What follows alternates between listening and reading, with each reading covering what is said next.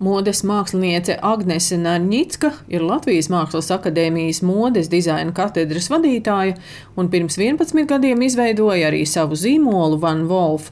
Savus apģērbus viņa tirgojusi daudzās pasaules valstīs, bet šobrīd slēgusi veikalu vecrīgā un apģērbu tirgošana notiek internetā.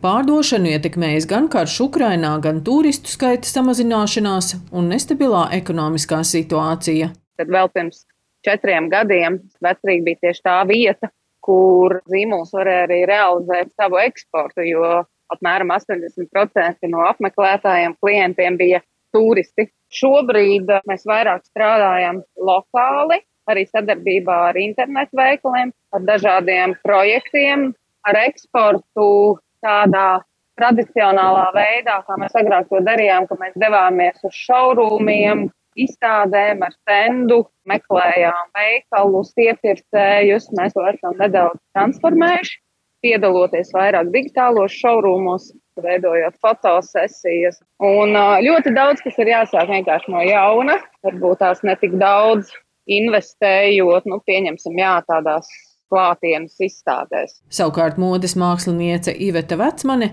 veikalu Rīgā atvēra pirms diviem gadiem. Viņa līdz šim orientējās uz vietējo tirgu, tāpēc pandēmijas laiks klientu piesaistē bijis veiksmīgs. Tajā brīdī, kad daudz kas bija liekts, kad nevarēja ceļot ārpus valsts robežām, dāmas gribēja iepriecināt vismaz šeit, un man liekas, ka vienmēr kaut kādas šīs lielās krīzes liek cilvēkam paskatīties uz sevi un vispār uz apkārtni kaut kā savādāk no malas, citu šķautni, un līdz ar to viņš arī izdara pēkšņi kaut kādus pilnīgi citus un jaunus gājienus, par kuriem varbūt vienmēr ir domājis, bet vienmēr ir baidījies un nav riskējis. Kā pirmie tirgi, ko mēs gribam apgūt, protams, ir Igaunija un Lietuva. Ir interesanti vērot, ko viņi pērk un kas viņām patīk. Un šobrīd mēs ļoti nopietni strādājam, lai attīstītu savu e-veikalu.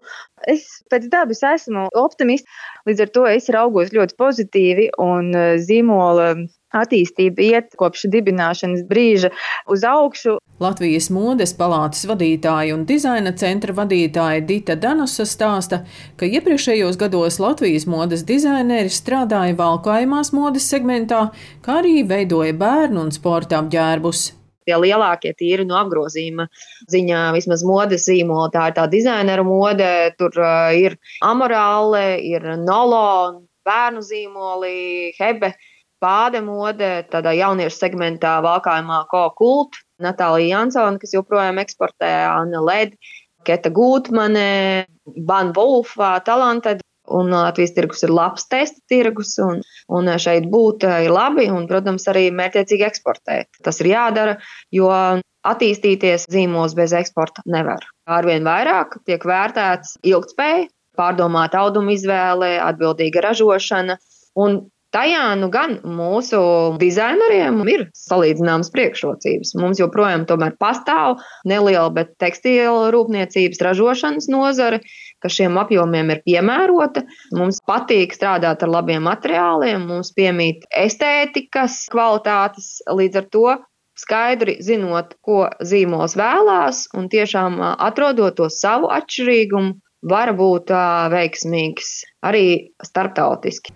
Eiropā apstiprinātā tekstila industrijas ilgspējas stratēģija līdz 2030. gadam paredz novērst pārmērīgu apģērba ražošanu un pārmērīgu patēriņu, lai ātrā mode vairs nebūtu modē. Daina Zalamane, Latvijas radio.